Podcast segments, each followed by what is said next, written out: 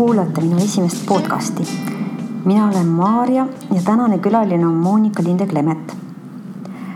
Ehm, ühel hommikul Monika helistas mulle ja rääkis, mida ta öösel teki all mõelnud oli. ta mõtles küsimuse üle, mis on see, mis ahastuse hetkel aitab elus püsida. Ehm, ka minule pole see mõte võõras, see küsimus on vägagi tuttav. Ja seepärast mõtlesin, et tegu on parajalt ambitsioonika teemaga minu elu esimese podcasti jaoks. nii ma Monika vestlema kutsusingi. aga alustuseks asjad, mida Monika kohta teadma peaks. esiteks, Monika on minu kõige pikaajalisem sõber, peaaegu et sünnist saati. teiseks, Monikal on väga hea raadiohääl ma kohe mõnuga kuulasin ja mõtlesin, kuidas enda häält ka selliseks saada. Äh, ma loodan, et, et ma arenen kuidagi. Äh, veel ei ole välja mõelnud, kuidas. kolmandaks, Monika on kodus Eesti kirjandusmaastikul ja väga palju lugenud inimene, mis teeb temast väga, väga huvitava vestluskaaslase. see on üks nendest asjadest Äh, neljandaks, Monikal oli kunagi mitu aastat järjest kirjasõbraks äh, üks Poola preester. Äh, selle teemani me küll seekordses vestluses ei jõudnud, aga minu meelest on see piisavalt huvitav fakt Monika kohta, et ära märkida. ja viiendaks, Monika on budist. mitte lihtsalt, et talle meeldib kasutada sõna Äh, karma või, või mõtiskleda selle üle, kes ta eelmises elus ikka oli, vaid äh, ta on päris praktiseeriv budist juba kas ligi viisteist aastat.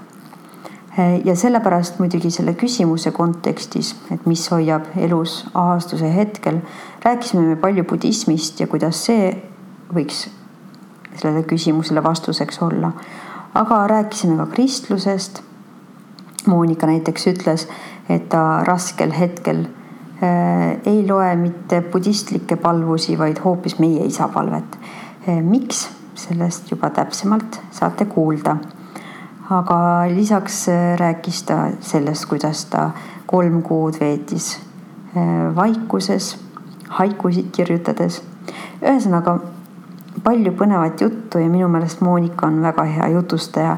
nii et loodan, et see vestlus pakub teile sama palju pinget, kui mulle pakkus. ja suur aitäh veel kord, et kuulate.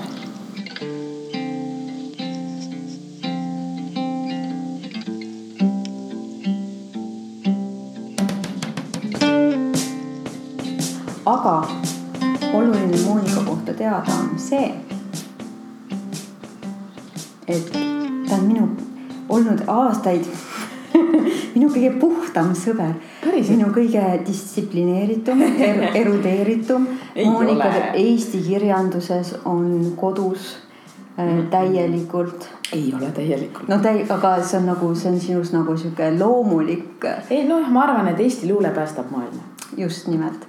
Äh, see on üks asi, teine asi, sul ei olnud telekat ja kui sa vaatasid filme, ma arvan, et sa kuni täisealiseks saamiseni ei olnud näinud ühtegi Hollywoodi filmi, sinu jaoks oli film, oli Tarkovski film ei no ma käisin ju Eevaga vaatamas, sõbranna Eeva, tervitan sind raadiostuudios. me käisime vaatamas Titanicut ja Armageddon ja.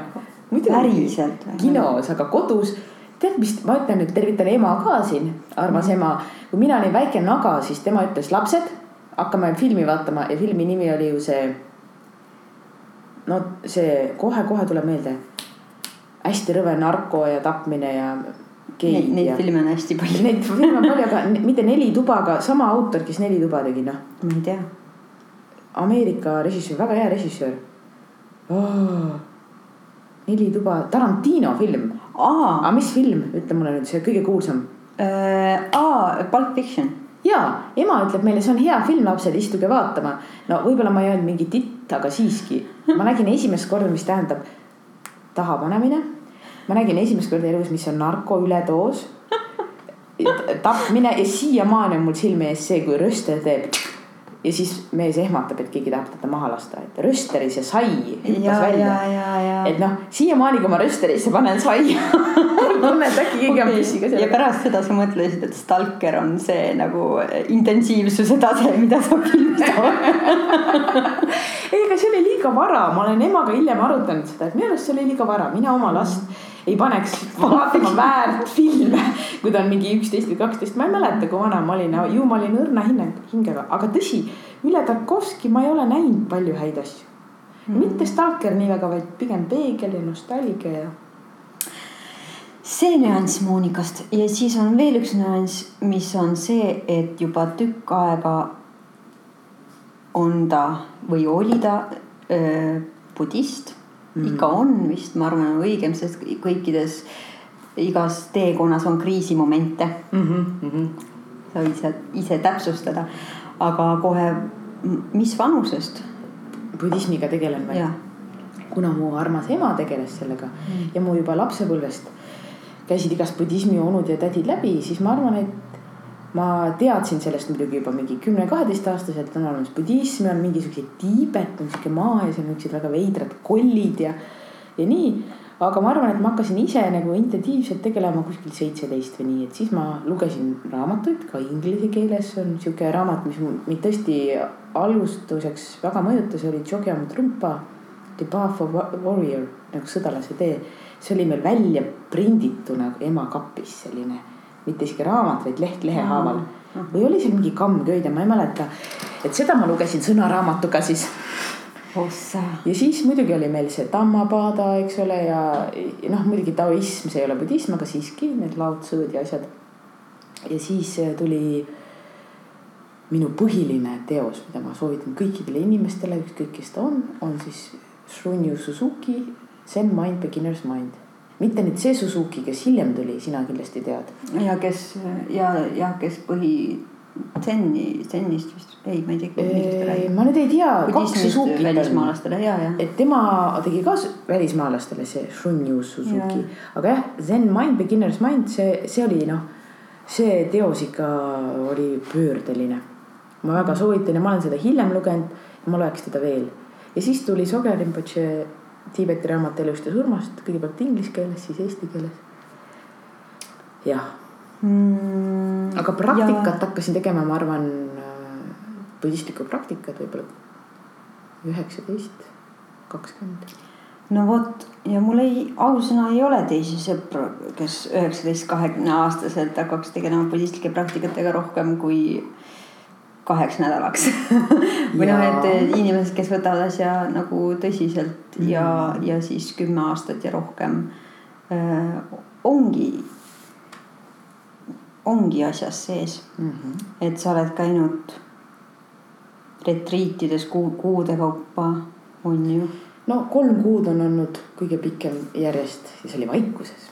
ja see oli vaikuses ja. see oli kõige ilusam aeg minu elus, ma arvan mis on väga huvitav, sest nüüd, kus ma kuulan teisi podcast'e, et mm -hmm. saada sama fantastiliseks podcast'eriks mm.. ma kuulasin vestlust Tim Ferrisiga yeah., kes ütles, et ta käis kümnepäevases ah, vaikuses. see on see klassika, see mindfulness. ja ta ütles, et ta pidi hulluks minema mina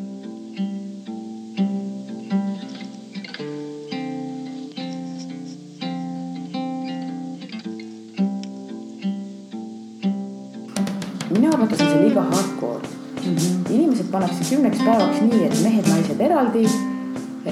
lihtsalt istud ja sulle antakse mingisugused tehnikad, võib-olla hingamise jälgimine. ju on mingid sessioonid, aga need sessioonid on marupikad, nad on vähemalt tund, kui mitte rohkem ja see on nagu hardcore, sellepärast et ma olen ise ka meditatsiooni inimestele õpetanud. mina alustan viiest minutist, siis ma lähen kümne peale, siis ma lähen viieteist peale. maksimum, mis ma teinud olen, ütleme, et inimestele ma olen teinud võib-olla kakskümmend minutit või kolmkümmend. ja ise maksimum on mingisugune nelikümmend, viiskümmend minutit järjest, mitte rohkem. et noh, nad teevad seda kümme päeva järjest ja ei tohi raamatut lugeda, mitte midagi ja, teha. just kirjutada ei tohi, lugeda ei tohi ja see just. ja, ja tema ütles, et tal tulid mingid no siuksed teemad välja, et tal oli seal mingisugune nii-öelda õpetaja mm, -hmm. keda ta usaldas ja kes ta sellest nagu, nagu tänu kellele ta tuli sealt inimesena välja, aga ta ütles, et kui mingid asjad ei oleks mm -hmm mingid nii-öelda tingimused ei, ei oleks juhuslikult on nii ideaalsed mm, -hmm. siis ta oleks tulnud sealt välja täiesti katkise inimesena. ma ütleks seda, et Tim Ferris ei ole ju ka tegelikult päris, ma tean teda ka, et ta ja, ei ole ju päris terve mõistusega, seal ei tähendab, mõistus on tal väga ter terane ja terve, aga ta ei ole ju täiesti stabiilne psüühiliselt. et ma arvan, et, et nad peaksid võib-olla natuke ettevaatlikumalt jälgima, kes sinna tuleb. sest ilmselgelt point ongi, et teemal välja tuleks sellel mm -hmm. retriidil ja asjad tulevadki välja sellistel asjadel. minu elu raskemad ajad algasid ka pärast seda kolmekuust imelist vaikust. aga see kolm kuud vaikust oli imeline ikka. see oli väga huvitav ja väga hea, aga meil oli märksa lihtsam, meil oli see, et või tähendab, ma olin üksi, rääkida ei teinud, aga ei, rääkida ei võinud, aga ma kirjutasin, mida ma kahetsen, ma kirjutasin emale ja vist mingile sõbrannale või ei kirjutanud, ainult emale kirjutasin kirju aeg-ajalt no,. Okay. ja ma arvan, et see oli natuke selline noh, allaandmine mm. -hmm. et ma ja siis ma tegin, tead, mis ma tegin või? see on küll piinlik sulle rääkida. ma kirjutasin haikusid mul on terve fail, et mul on kuskil, ma arvan, et mingi viiskümmend haikut, et ma kirjutasin iga päev ühe haiku või kaks või kolm või neli mm. -hmm. ja mis ma haikudes väljendasin, oli lihtsalt see, mida ma nägin, linnukene siriseb, päikeseloojang ja see oli väga hea ventiil nagu suhtlemaks iseendaga. tegelikult inimene ei ole loodud vaikima. Mm..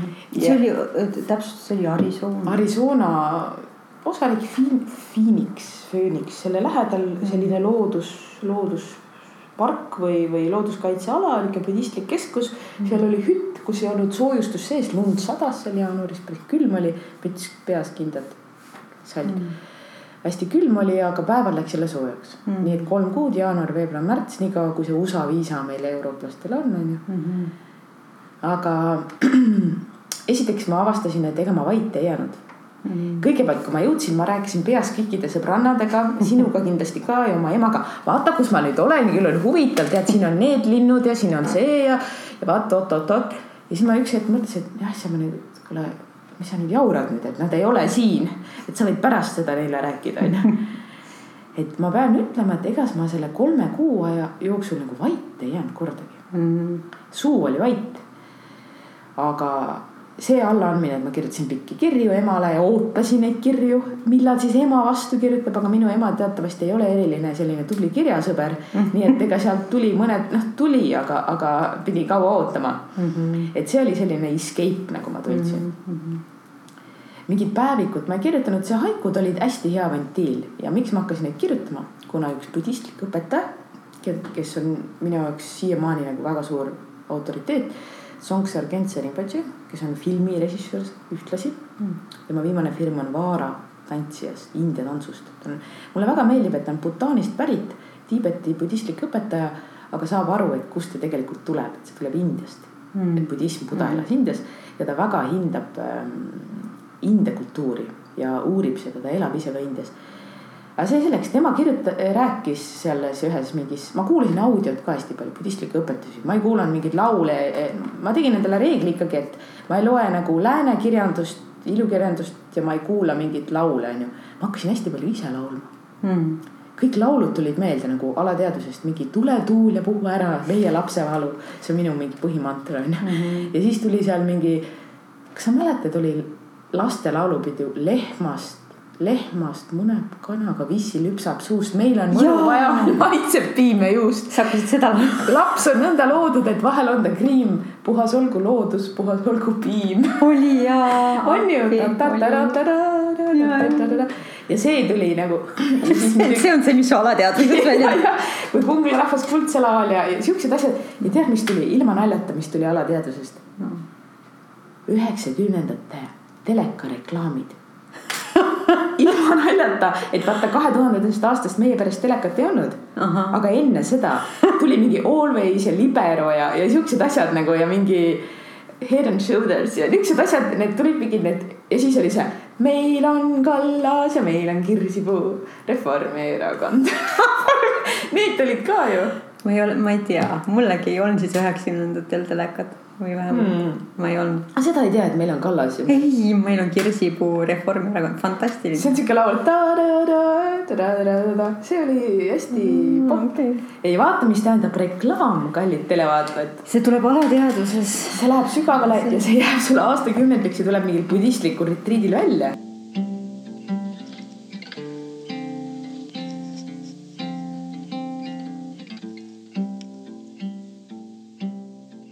aga nojah, tulles tagasi siis selle retriidi juurde, et, et laulud tulid, aga nüüd mul jutt läks segamini, see Tsonksar Kentse, tema ühes oma podcast'is või siis mingis äh, videos või selles audios, mida ma kuulasin. mulle väga meeldib tema puhul, et ta hindab väga palju erinevaid maailmakultuure. tavaline tiibetlane ütleb, et meie budism on kõige parem ja teised pangu ennast noh, jah. aga tema on butaanlane, elanud läänes, Londonis õppis seda filmi ja tema on käinud näiteks äh, Lõuna-Ameerikas, seal on igast need seened ja too teema, ta sellega tutvunud, ma arvan ka ise midagi kogenud ja ta väga nagu respekteerib, ütleb, et see on, see on õige, no mitte õige tee, aga see on nende tee ja sellega jõuab kuhugi mm. -hmm. ja selle mm, Jaapani kohta ta ütleb, et, et kuulge, vaadake, mis teil tänapäeval toimub. Te haarate oma papptassist kohvi mingi saiakese, kiirustate tööle, sööte metroos, kui ta mõtleb Londoni peale, onju. kiire, kiire, kiire, aga vaadake jaapanlasi, teetseremoonia.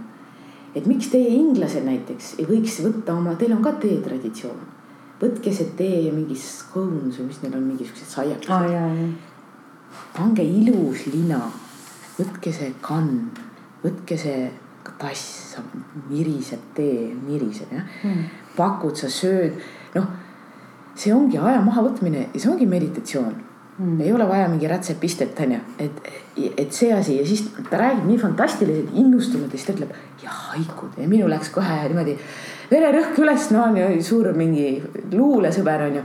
et haikud ja siis ta, ta nii ägedalt räägib, siis peaks kuulama seda, et mõelge, mingi konn hüppab tiiki nagu lihtsalt nagu konn hüppab tiiki ja mingi plärts noh ja, ja kuidas ta neid kirjutab? Ja pealegi tema räägib ju inimesena, kes loeb seda ju tõlkes. Mm.. sina, kes sa saad sellest haigust jälle oma keelest aru. et noh, ta rääkis sellest nii innukalt, et ma sain aru hmm,, et budism lubab haikusid kirjutada.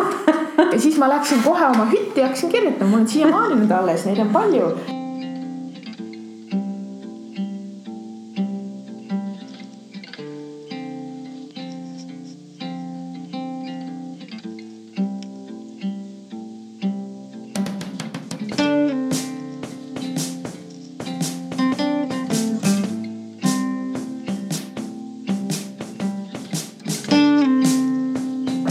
tulles tagasi ikkagi selle, selle küsimuse juurde, et, et mis meeleehites elus hoiab, et Just. siis äh, kas, kas, kas budism hoiab?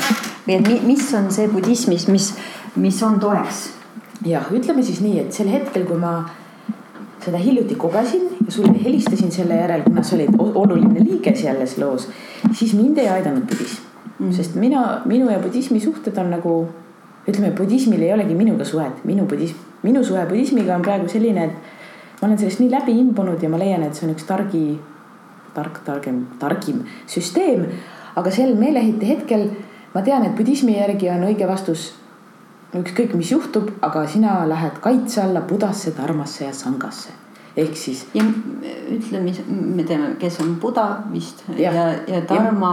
aga nüüd veel Buda kohta, et mitte Buda kui jumal, vaid Buda kui inimene, kes jõudis virgumiseni mm -hmm. ja tema elulugu ja tema õpetus mitte Buda kui jumal, kes paneb ja. oma käe, Buda on öelnud, et, et mina teie kannatusi ei leevenda, et te peate ise selle läbi tegema mm. -hmm. nii, dharma on siis budistlik õpetus, dharma on sanskriti-keelne sõna, mis tähendab väga paljusid asju, ma saan aru, üle ma ei tea saja või. aga üks asi, mida dharma tähendab, on õpetus mm.. ehk siis see budistlik õpetus, buda sõnad, noh, on tekstid, eks ole, suutrad ja Tiibetis kangyur ja tengyur ja nii edasi. Mm.. ja sanga on siis kogukond ehk siis noh, kui räägime kristlikust aspektist on siis kogudus, siis kui rääkida budistlikust aspektist ka samuti kogudus ja võiks öelda sõpruskond või mõttekaaslased või perekond või mingi inimeste kogum, kellel on sarnased väärtused. Mm.. Nii ja miks see sind ei aidanud, mis sa arvad? ma arvan sellepärast, et ma ei ole hetkel teinud igapäevaselt budistlikku praktikat. kui ma oleks teinud, siis mul tuleks sisse, et selles mõttes ma hakkan mõtlema, et hmm, peaks ikka tegema. selles osas, et igapäevane praktika, kui sa iga hommik võtad tähendab, see on halb ingliskeelne tõlke, mida väga paljud siin Eestis ütlevad, võtan varjupaika Budast Dharmas sangas ehk mm -hmm. siis mhm. parem on öelda, lähen Buda Dharma sanga kaitse alla mm. -hmm. Et eh, mõni teeb veel, ma ei tea, sada kummardust hommikul ja ütleb neid asju. mõni lihtsalt meenutab seda. et tegelikult see regulaarsus on võti mm. -hmm. aga kuna mina ei ole praegu teinud seda ja ma ei kahetse, sest mul on aeg, kus ma olen nagu natuke rebel ja vastu siis eh, mul ei olnud see budism nii ihuligi ja teine asi, mida ma vanasti tegin, oli õpetaja. Tiibeti budismis on hästi oluline õpetaja, sinu meister, kes on sinu jaoks nagu kõik. temas on nii Buda, nii Dharma kui Sangha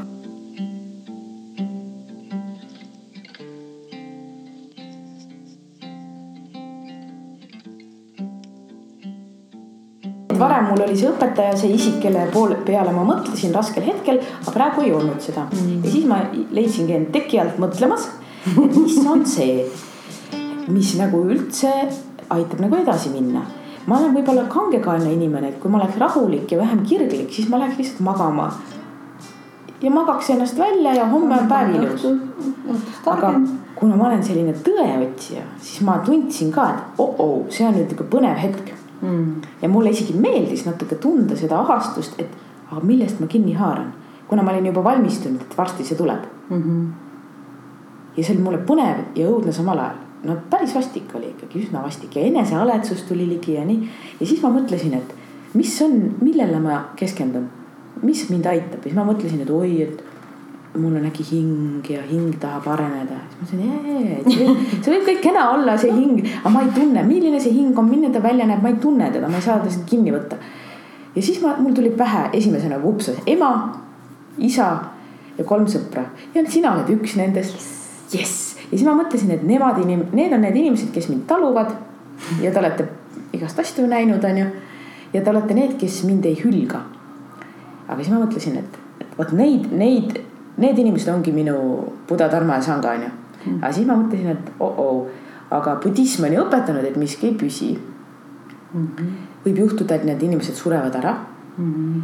võib juhtuda, et need inimesed muudavad meelt mm. -hmm. et nad, minugi elus on inimesi, kellega ma enam ei suhtle ma arvan, et millegipärast ma arvan, et meie ei lähe tülli, aga, aga minnakse tülli ja, ja iial ei tea, et aga kas ma siis sellele püsitule asjale nagu sõber või isa või ema siis nagu kogu oma eluraskuse rajan ja siis ma sain aru, et ei, see, milles ma kaits-, mille kaitse alla ma lähen, on see, mida ma nendes inimestes väärtustan, mis on lihtsalt hoolimine, väga igav, lihtsalt mm -hmm. hoolivus. Ini-, nagu ma ei tea, humanism või teistest hoolimine. Ma ei tea, armastus, kui keegi tahab. et selles ma võtan või lähen kaitse alla, selle kaitse alla mm. ja siis ma leidsin, et jess, ma leidsin selle ja siis ma läksin magama hmm.. et ma, mul oli päris hea meel selle üle tegelikult. et mul oli nii, nii keeruline hetk, et ma pidin nagu tõsiselt otsima seda väga huvitav väga huvitav, sest mul on ka. Sul on ka neid hetki olnud? mul on ka neid hetki olnud ja, ja, ja mind on hästi nagu häirinud seesama asi, et, et, et oleks mul siis mingisugune religioosne, mingisugune taust, mis yeah. on ju toetaks seda, et vastused varnast võtta. just äh,. aga, aga ei ole olnud, aga, aga ma ei ole tahtnud ka või noh, mul on tundunud nagu allaandmisena see, kui ma noh, kui sa oled nii meeleheitel yeah., et sa oled valmis võtma Aa. vastu mingisuguse tõe, mis sa ei pea õigeks. no sama oli mul ju, et ma otsisin, mis on see ehe, mis mind päris, päriselt ka kõnetab.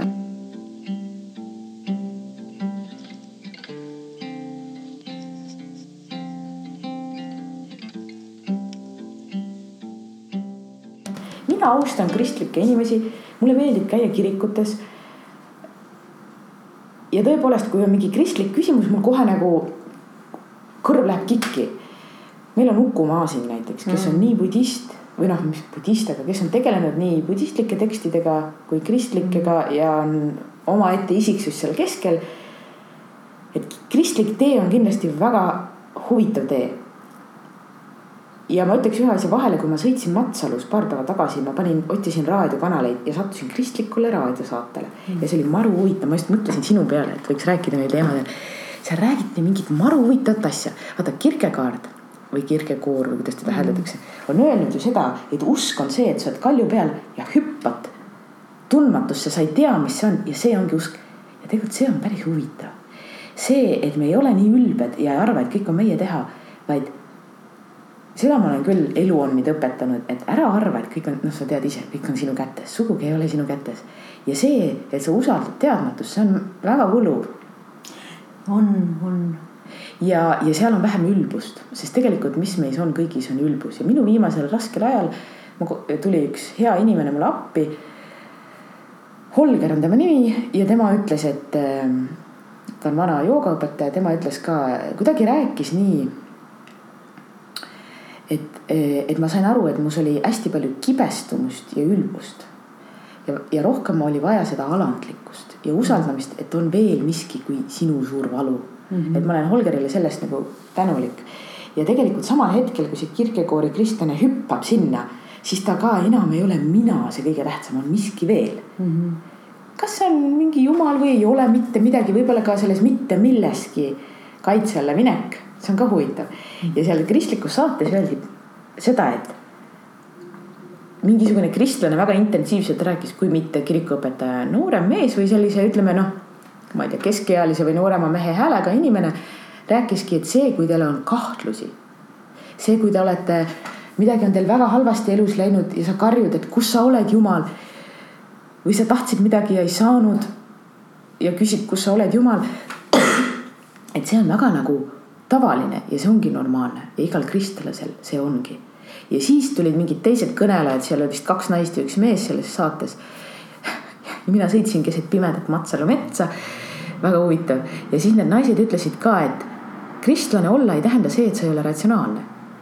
et kui sa lähed näiteks maratoni jooksma, siis sa teed ise kõik selleks, et sa selle jookseksid hästi, teed trenni, toitud õigesti, jooksed, noh, tead isegi onju, jälgid ratsionaalseid asju. Samal ajal sa küsid Jumalalt seda abi, et ma selle võimalikult hästi või õnnestunult ära jookseks, sest ega selles maratoni jooksus kõik ei ole ratsionaalne, sõltub ka sellest, kas sa kukud kivi otsa, kas keegi jookseb su maha, kas sul jäi veepudel koju. ja selle jaoks, selle määramatuse jaoks sa palud Jumalat abi. Mm.. ja see oli päris huvitav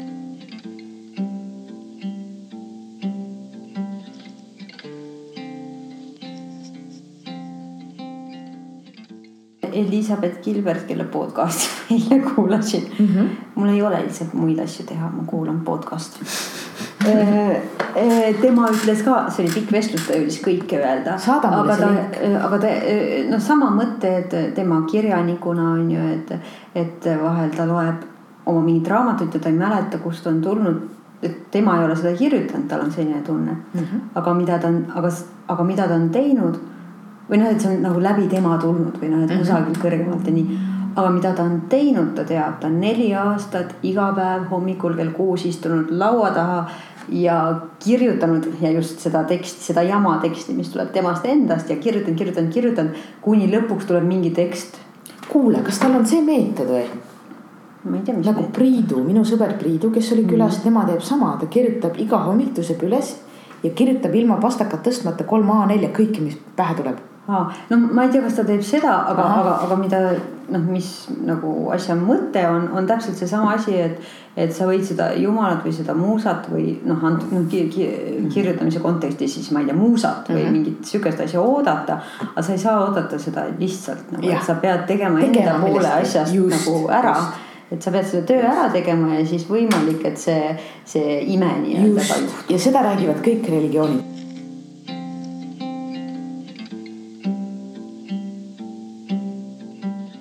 ehk siis ma tahan Kristuse kohta öelda seda, et sellel talvel oli mul raske, üsna raske olla. Mm. Ja kõnnin mina mööda Tallinna tänavaid ja elagu Innove, tervitan siinkohal kõiki Innove töötajaid ja eriti turundusinimest. suur silt, tulge õppima ka hilisemas eas, minge kooli.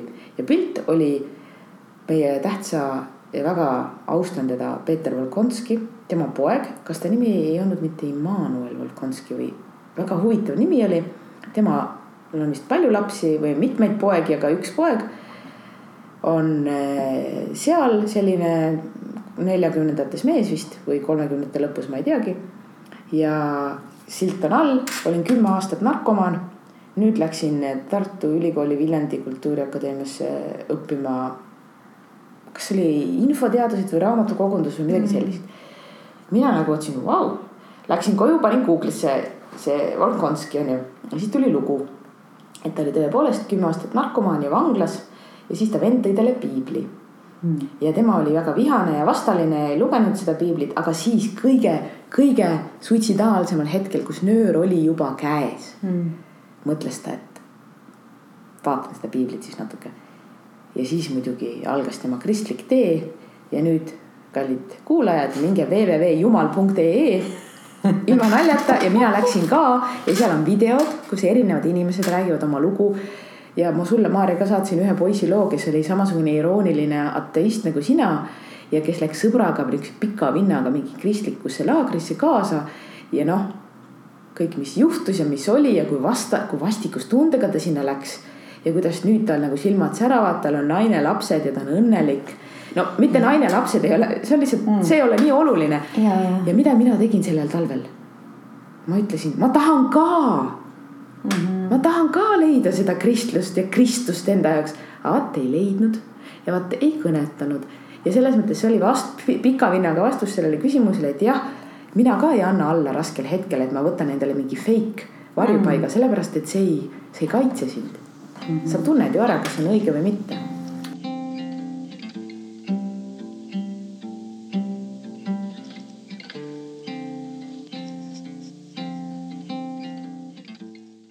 ütleme nii, et see, minule meeldib ka väga rääkida inimestega, kellel on religioosne taust või mhm. kes, kes, sest et nad on mingisse asja, nad on süvenenud mm, -hmm. nad on mhm. mingi asja peale mõelnud mm. -hmm. mis on tegelikult äh,, ei ole nii nagu noh, tavaline asi, et inimene on mõelnud ja süvenenud ja. ja see teeb automaatselt nad natukene. see on juba esimene samm, et nad oleks palju põnevamad, põnevamad vestluskaaslased ja mul on, sina oled mu budistist sõber, aga mul on er, erinevaid kristlastest sõpru ja mulle väga meeldivad need vestlused.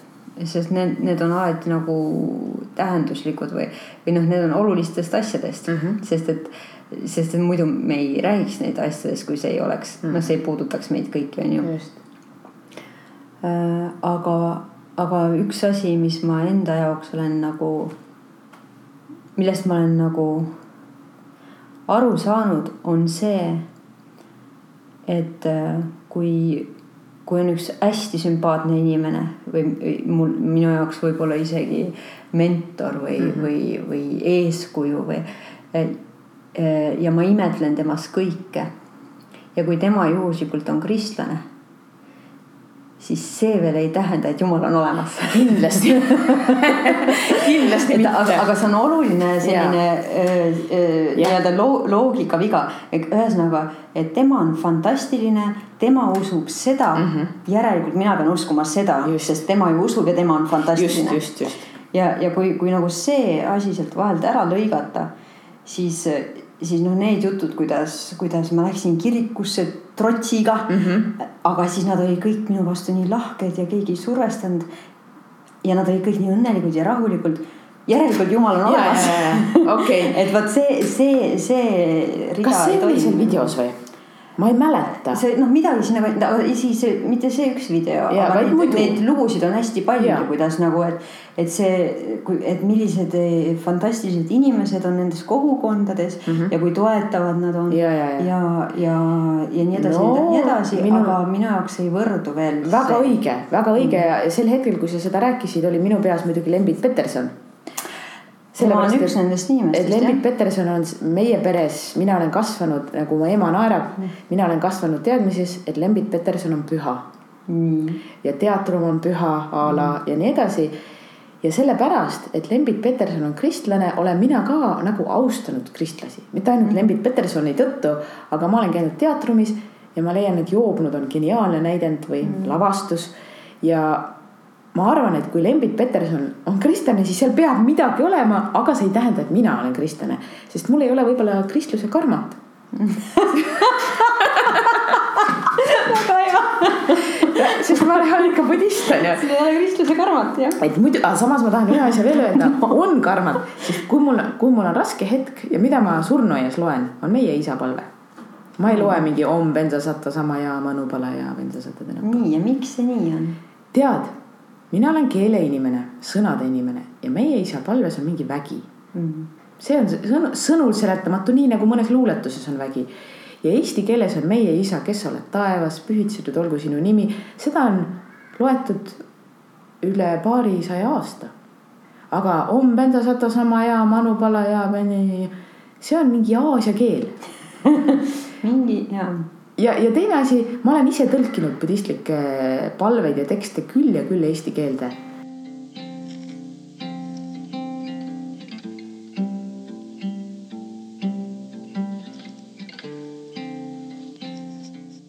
ja samamoodi meie isa palvel on minu jaoks rohkem väge kui nendel värskelt tõlgitud budistlikel tekstidel. kusjuures huvitaval kombel, minul on ka lapsepõlvest ilusti peas meie isa palve ja see võis olla nädala või paar tagasi, kus ma mõtlesin selle palve peale ja ma mõtlesin just seda, et selles peab olema kõik sees ja siis ma kordasin selle rida-realt selle noh, et mõtlesin, kui selles ühes palves peab olema kogu kristlus sees ja mm. peab olema, sest see on kõige olulisem et siis ida rida realt noh, et mis, mis see on, mida ta ütleb. ja, ja tõenäoliselt on jah kõik sees jah, seal on mingeid aspekte, mis on mul rasked ka mõista. sinu kuningriik ja noh, üldse val.... ei no muidugi seal on, ühesõnaga mittekristlasele on seal palju no,. aga minu lemmik nagu... on anna meile andeks võlad, mida meiegi andeks anname oma võlglastele. vot see. ära saada meid kiusatus, vaid päästa meid ära kurjast, nii nagu ja nii edasi, et ähm,. seal on palju seal on ja see kuningriigi teema, ma ütleks rahulikult. meie kõik oleme siin veel esimeses klassis, meil ei ole vaja tegeleda, mis juhtub Budaga või kui me, kui me virgume, mis juhtub taevariigis, tähendab ma saan aru, et põhimõtteliselt inimene tahab teada, et tal oleks kogu süsteem paigas mm.. aga mina olen pannud tähele, et ma jah, olen teinud endale selgeks selle budistliku, noh, ma ei saa öelda, kas ma olen selgeks, aga mingil hetkel ma olen aru saanud, mis on see budistlik nõnda-öelda järjestus. ja see on mulle võõras. ja ma tahaks, tahan küll virguda, ma tahan lahti saada kannatusest. Aga ma ei taha minna ulpima mingitele puhtale maale ja selline kontseptsioon, et sa lähed puhtale ja. maale. mulle üldse ei meeldi minna puhtale maale. see on minu jaoks kõikides, tähendab, mida mina olen kuulnud, mis juhtub paradiisis ja nii edasi siis ma ka ei, ei saa aru, et mul ei no,. sinu oma isa ju. motiva-, see ei ole motiveeriv ja see ei ole motiveeriv, absoluutselt ei ole ulpida ja siis on budistlikus, Tiibeti budismis on selline asi, et sa lähed mingisse taime sisse mm. mingisugune õis ja see läheb kinni ja siis sa passid seal võib-olla mingi paarsada aastat. kuni keegi. paradiis või põrgu? ei, see on paradiis ah,. kõlab nagu põrg on ju ja siis keegi avab selle ja siis sa oledki nagu taevas. et no come on. ja mis see taevas, mis aga selle peale ütleks äh, uskuv inimene, et see on midagi, mis on sinu praegusest teadvusest niivõrd palju suuremat, et sa ei saagi seda just, mõista. samas ma aiman, mina viimasel ajal ma tunnen seda, et võib-olla see tähendab sellist asja, et ma virgun, ma saan kannatusest vabaks, siis ma tulen ja käin siin maailmas korduvalt aitamas. noh, kasvõi Tim Ferris võib olla mõneti bodhisattva mis sest, et ta on nii palju kann-, aga tal on nii palju kannatusi. just, ta vaata, bodhisattva ei tähenda, et ta ei kannata Dalai-laama kannatab ju täiega, vaata, mis Tiibetis praegu on, tähendab samas, mis on huvitav Dalai-laama puhul, ta on mõnes intervjuus öelnud, et, et tegelikult ei kannata. ma arvan, et ta ei kannatagi, tal on päris mõnus, ta võib-olla muretseb. jah, ja ta just, et ta muretseb ja tunneb nagu kurbust, vot see on kaastunne. Mm.. selles mõttes budism on ikka võimas, see kaastunne, mis ta võib olla mm. kõigi nende tiibetlaste osas, kõigi nende osas, kes võitlevad, ka hiinlaste osas ehk siis minu nägemus sellest, mis saab pärast virgumist, on see, et mulle väga meeldib bodhisattva lähenemine. bodhisattva on siis see, kes on mitte virgunud, aga ta on jõudnud mingile tasandile, et ta ise ei kannata. jah, ta ise ei kannata mingi tavainimese kannatusi. ja ta on aru saanud, et ei ole seda, kes kannataks et see ongi huvitav oh., et, et budistlik äh, mõtteviis, nii palju, võib-olla ma teen vigu siin, aga nii palju, kui mina olen aru saanud, on see, et miks ei ole kannatust olemas. ühtpidi öeldakse, et kogu sansaara tsükkel ongi ainult kannatus ja sageli öeldakse valesti ja ma ise ütlen vahel kiusu pärast, et elu on kannatus, elu ongi ainult kannatus, ei ole elu kannatus. sansaara tsükkel on kannatus ehk siis see, et ma tahan, ma ei saa miks ta tegi mulle nii mm, -hmm. miks ma ei saa seda, ma tahan rohkem, ma tahan vähem, nii, nii, nii. -hmm. see ongi kannatus, see ongi tsükkel, mille sees me istume kõik, nii mm. -hmm. tegelikult nagu Dalai-laama ütleb, see on fantastiline, imelihtne lause, lause igavalt lihtne. kõik inimesed tahavad vältida kannatusi ja tahavad olla õnnelikud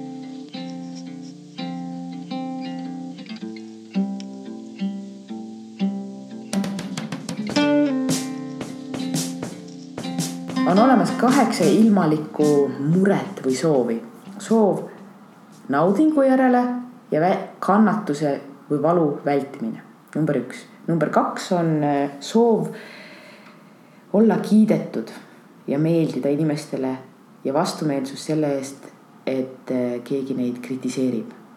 kellelegi ei meeldi ju, et neid kritiseeritakse. ütle mulle üks. oo jaa just, aga kriitika arendab ja aitab, ütleks ma vahele, mind on palju kritiseeritud. ja ma võtan selle hea meelega vastu, siis saab areneda. kui kõik mm. ütlevad sulle, et sa oled ilus ja armas ja tore, siis sa väga ei arene mm.. ja sageli ei pea ütlema, sa saad ise aru, mida inimesed tegelikult sinust arvavad. jah. jah. ja kriitikat saab väga huvitavalt väljendada ka mm. -hmm. aga mõnele inimesele ma luban olla väga kriitiline, näiteks minu ema, keda ma austan. tema on mulle väga halval hetkel öelnud mulle, et sa oled manipuleerija see oli väga raske mm. ja ma olin väga tänulik, sest tänu sellele ma hakkasin märkama, et ma tõesti olen manipuleerija mm.. ja ma hakkasin seda vähem tegema, nii et aitäh talle. aga nüüd need olid esimesed kaks. kolmas oli olla kuulus ja märgatud ja vastumeelsus selles suhtes, et sa oled tähtsusetu ja keegi ei pea sind oluliseks mm. -hmm. ja mis see neljas on? Mis naudinguid meil veel on? aa, jõukus, me ei taha kaotada asju, mitte ainult vaesus, me ei taha kaotada asju. Mm, -hmm. et keegi varastab meilt, me mm, -hmm. minu oma, mis sa võtad? Ja, ja me tahame juurde, me tahame ilusaid asju. vaata, kui tark on budism, on ju. on. ja tegelikult, kui sa kirjutad need välja ja hakkad mõtisklema nende üle, sa saad vabaks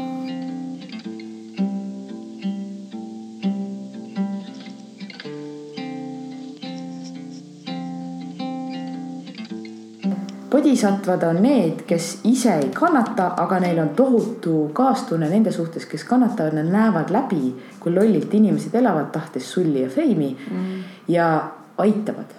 ehk siis teevad podcast'e äh, juhendavad meditatsioonirühmi, lihtsalt kuulavad ära sind, sest tegelikult, mida inimene tahab kõige rohkem, ta ei taha, et sind aidatakse, ta tahab, et sind ära kuulatakse. just täpselt. just, aga igaüks ei viitsi kuulata, aga bodhisattva viitsib mm.. ütleme nii.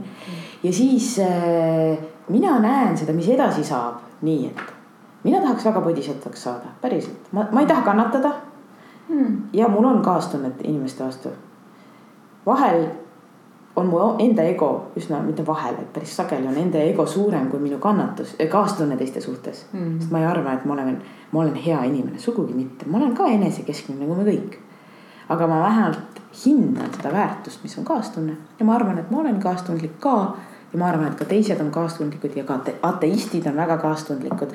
sellepärast, et kuidas muidu mul raskel hetkel tuled sina meelde, mitte Buda või Jeesus on ju. see on väga hea tähelepanek, väga hea tähelepanek. ja siinkohal, head kuulajad, soovitan ma kõigil, kõigil inimestel lugeda minu piiblit ja meie perekonnapiiblit, mida mu ema ütles juba noorena, Monika, ära loe kuristik rukkis ainult vaid loe Salingeri, Franni ja Sui. see on nii, ütleme nii, kui sa lihtsalt ütled, et kõik inimesed on paks proua või et kõik inimesed on buda loomusega või kõigil see on Jeesuse õnnistus mm. olemas, siis yeah right. Mm.. aga kui sa loed väga satiiriliselt, irooniliselt, andekalt kirjutatud ühe maailmakuulsa kirjaniku teost, mis nagu kulmineerub selle tõdemusega, siis sul jääb nagu, jõuab kohale. Mm..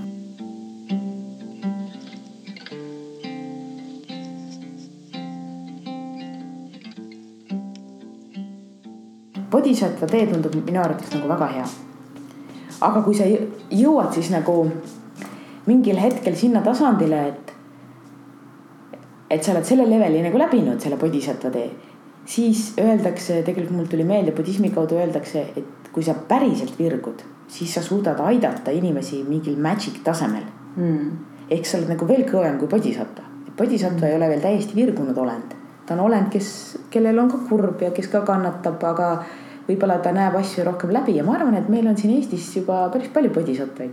mõned inimesed, kes on nagu juba elu näinud, kogenud ja kes ei ole külma südamega ja kes ei, ei ole kibestunud. aga kas, kas sulle ei tundu, et, äh, et seesama, et äh, noh, et tahan saada paradiisi või tahan saada bodhisattvaks, et see on juba selline. religioosne? Ei, et see on juba selline egokeskne uh. -uh. tead, miks või no.? selles ei ole mitte midagi halba, et me ei taha kannatada. miks uh -huh. me peaksime tahtma kannatada? ütle mulle üks inimene, kes ütleb, jess, ma tahan kannatada. kannatus on valus. sa tahad kannatada ju. mina ka ei taha kannatada. ja minu eesmärk on lõpetada kannatus ja kellest me alustame iseendast ja siit tuleb nüüd see budistlik alatine teema, et Hinayana ütleb, et kõigepealt vabane ise. Mahajana ütleb, et kõigepealt vabaneb keegi teine. aga trikk on tegelikult selles, et sa ikkagi päästad ennast kõigepealt aga sa sead seda tehes teised esikohale. Mm.. see on mahajana ja selles mõttes Jaapani budism on ka mahajana ju tegelikult vist. Ja, ja Hiina budism ka. Mm.. ja Tiibeti budism on kindlasti mahajana, seal on veel aste kõrgem, seal on vajrayana, mis baseerub mahajanal ehk siis seal on veel muud trikid ja värgid, aga sa ei tohi iial kaotada seda, seda nägemust, et teine olend on tähtis, sama tähtis kui sina. ja parem on mõelda, et tähtsam kui sina ja miks on ta parem mõelda, sellepärast et selle kaudu, et sa mõtled, et teine olend on tähtsam kui sina, nagu sina antud juhul oma lapse puhul pead silmas, et tema vajadused on tähtsamad kui sinu omad. selle kaudu sa nühid maha seda vastikut enesekesksust, mis on mhm. sinus ja minus ja võib-olla ka Lembit Petersonis võib-olla oi, oi, oi, oi. võib-olla, ma ei tea, ma, ma ei tunne teda isiklikult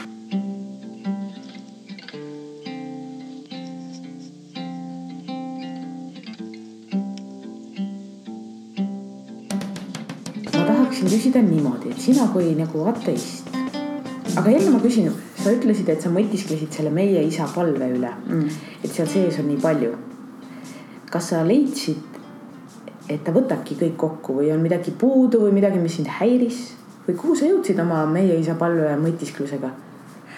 ma ei mõtisklenud nii sügavalt, ma, ma ei, ma võtsin nagu positiivse vaate asjale ma võtsin eelduse, et seal on kõik olemas, mida üks kristlane vajab mm. -hmm. Ja ma ei läinud nagu sellesse teemasse, et kas see on minu noh, sest et äh, see, mis seal puudu või üle on või see see, see on tõenäoliselt see, mis teeb minust mittekristlase. Yeah.. Äh, et äh, pühitisetud olgu sinu nimi ja sinu riik tulgu. Mm. -hmm ja, ja nii edasi, ühesõnaga, et, et see kõik on nagu mingil määral nagu tähenduseta. jah, just, just. kui sa ei ole kristlane, aga samas, kui sa oled kristlane, siis seal peab olema kõik ja see on võlus. ja tead, mis mm., mulle tundub, et meil ongi vaja elus luua selliseid väikesi mudeleid, kus on kõik olemas. näiteks mm. mina käisin paari nädala eest Võsul, kus oli Anne Maasik ja Kristel Vilbaste. Nemad tegid loitsulaagrit ehk siis meie tegelesime oma häälega, laulmisega ja me tegelesime ja esimest korda elus ma julgesin teiste ees üksi laulda mm, -hmm. mida ma ei tee mitte kunagi mm. -hmm. väga hea seltskond oli, väga erilised inimesed. ja seal oli meil ülesanne luua loits iseenda jaoks, mis sind ravib ja mitte rohkem kui neli rida. ja ma olen mm -hmm. väga tänulik sellele rangele nõudmisele, mitte rohkem kui neli rida. ja igaüks siis läks mingi puu alla, otsis endale hea koha, võtsis nagu loodusega kontakti ja hakkaski mõtlema või küsis selle puu või põõsa või ma ei tea, rohulible käest seda, seda lauset, mis, mis sind aitab. ja ma pean tunnistama, mina olen enda seda neljarealist asja endale laulnud korduvalt pärast seda laagrit ja ka kõige raskemal hetkel no tol õhtul seal teki all ei tulnud see mul kahjuks meelde, aga järgmisel päeval, kui jälle läks raskeks, tuli meelde mm.. ehk siis ma võin avalikult, ma ei laula seda praegu, aga ma võin öelda need sõnad mm., mida ma siis ise endale välja mõtlesin. Süda lahti, jalad maas, olen rahulik ja hea mm. -hmm. kõik, mis juhtub minuga, aitab mul nüüd kasvada. imeline seal on sees minu jaoks kõik, mida ma hetkel vajan, võib-olla mm. viie aasta pärast on seal mingid muud asjad.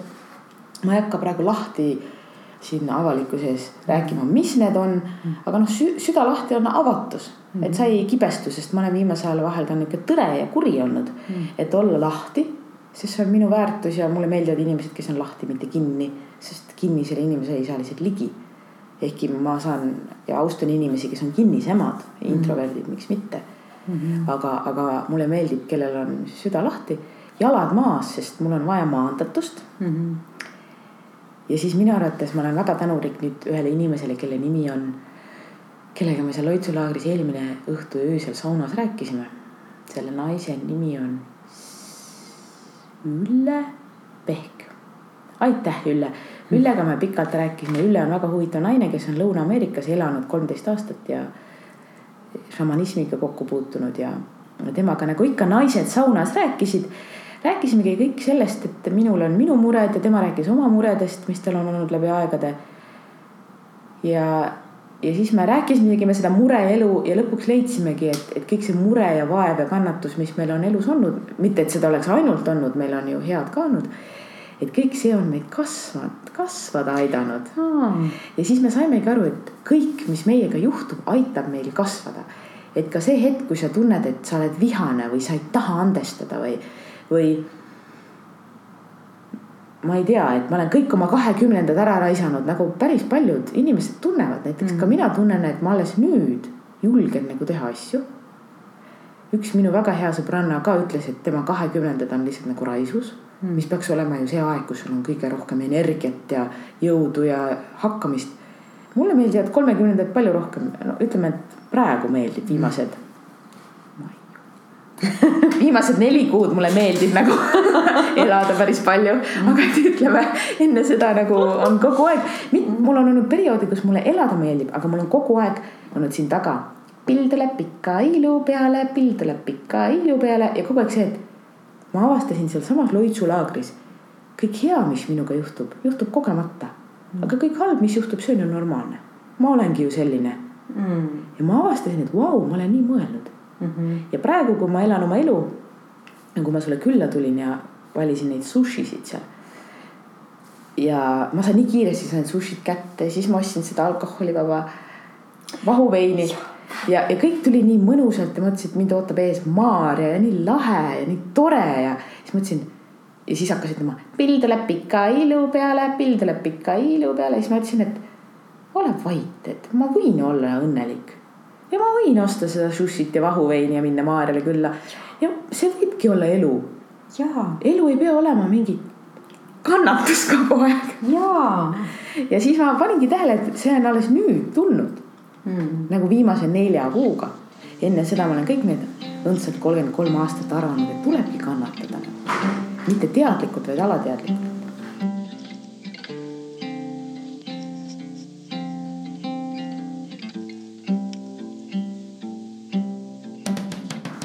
Sina kui inimene, kes mõistab, et kristlus on huvitav ja inimene või noh, kristlased on huvitavad või väärtuslikud isegi, siis mis on siis sinul see, kui on see raske hetk, kus kõik nagu läheb nagu mida asja, sihukene nagu õudne tunne. siis mis on see, mis, mida sa teed sel hetkel, sa ütlesid targa asja, et sa lähed magama, ma arvan, et ma hakkan ka seda tegema aga ma ei öelnud, ma lähen magama või et, et raskel ajal sa, kas sa ei öelnud või keegi? me rääkisime lihtsalt, sina ütlesid, et targem oleks vahel magama minna. okei okay.. ma ei ole seda enda jaoks välja mõelnud mm. -hmm. päris lõpuni. sest sul on ka olnud ju neid hetki, päris ja. tõsiseid hetki. ja mul on tu tugi on olnud inimestes, aga mm -hmm. nagu sa ütled, inimesed surevad ja ma ei tea. ma ei, ma ei tea, mis siis saab, kui need inimesed ümbert ära surevad. aga mõtle, mis need, miks nad, miks need inimesed on tähtsad. jah, et selles mõttes ma olin hästi nagu nõus selle järeldusega või see nagu puudutas mind see järeldus, mis sina tegid, et mm, -hmm. et need mingid printsiibid või Just. asjad jäävad. et ütleme nii, et kui sinu vastu on keegi olnud hell ja hea mm. ja tema kunagi lahkub, siis see hell ja hea olemine on ikka olemas, on teised inimesed sinuga hellad ja head võib-olla teisel viisil, mitte nii nagu abikaasa või ema on sinuga võib-olla, kui nemad peaksid lahkuma. Ja sina saad teistega olla hell ja hea. just, et, et minu jaoks, mis, mis jääb inimesest järele, on, on kivi naerab selle peale. et mis jääb inimesest järele, on see, mis ta on enda öö, olemisega jätnud teistesse inimestesse. väga õige, olemisega, mitte ainult kunstiteostega, eks ole. jah, vaid, vaid see, mis ta on pannud teistesse inimestesse enda olemisega, enda sõnadega, enda noh.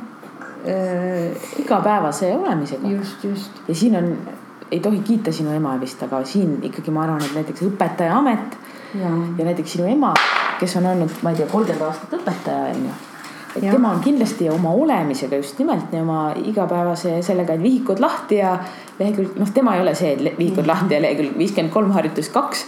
vaid et, et oma tegemistega on kindlasti jätnud äh, ja sinu isa ka kustumatud mälestused just ja see võib olla professionaalsel tasemel, aga see võib noh, lihtsalt, et inimsuhete kaudu ema ja lapse suhe ja õe ja venna suhe ja, ja kõik see aga nüüd me peame vist otsa kokku tõmbama. aga, aga, aga, sa, aga mis sinu siis ikkagi järeldus on, et sa ei ole läbi mõelnud seda enda jaoks? aga et. ei noh, see, see, nii on, see nii on olnud need inimesed ja see, mis, mis nad jätavad teise inimese sisse. ja siis võiks eh, lõpetada veel niimoodi, mõeldes ikkagi jälle kaastundlikult, mida teevad need inimesed, kellel ei ole neid inimesi, sest on olemas üksikuid inimesi, ka näiteks vanu inimesi, kellel on kõik ära surnud. ja, ja ei olegi sihukest noh, vastust minu, minule, minu sees ei ole, sest ma tahaks lõpetada siukse nagu happy end'iga on ju, et ja, ja küllap kõik ja, on ja, ja. hästi, aga minu meelest see on et see ongi nagu elu tervik, et, et ei kõik noh, et. ei ole happy end'i. ei ole happy end'i Just. ja, ja, ja see ei tähenda seda, et teekond ei oleks väärt kindlasti. Ja mina lõpetaks ikkagi võib-olla natuke positiivsemalt selles mhm. osas siiski, et igaüks peab selle ise leidma ja leitaksegi. Ja leitakse väga hulludest olukordadest väga head lahendused. Et, et selles mõttes ka see üksik vanainimene, kellel on kõik surnud ja lapsi ei ole ja ta sõna otseses mõttes elab oma viimaseid päevi seal vanadekodus, ka temal on tegelikult võimalus leida endale see mingi kaitse ükskõik siis mis, see võib olla lihtsalt loodus mm.. see, et meil on imeline suvi praegu, varsti ju ka lehed on kollased. aga kas see võib olla mälestused? või on mälestused? no põhimõtteliselt mälestusi ei ole ju selles mõttes nagu olemas. ja samas on, vaata, mulle meeldibki budistlik mõte, et kõik, mis meil on, kõik, mis on äh, püsitu ja praktiliselt peaaegu et kõik ongi, et väga väheseid fenomene on mittepüsivad. kõik see on nagu vikerkaar, ta on ja ei ole ka mm.. mälestustega samamoodi, on ja ei ole ka, aga samas hoolivus. on ja ei ole ka. jah, et no on ja ei ole ka, et selles mõttes me lähemegi kaitse alla ühte püsitusse asja, mis on ja ei ole ka. nii et lõpuks lõppsõnad ongi on ja ei ole ka. on ja ei ole ka. on ju. ja sinna me jõudsime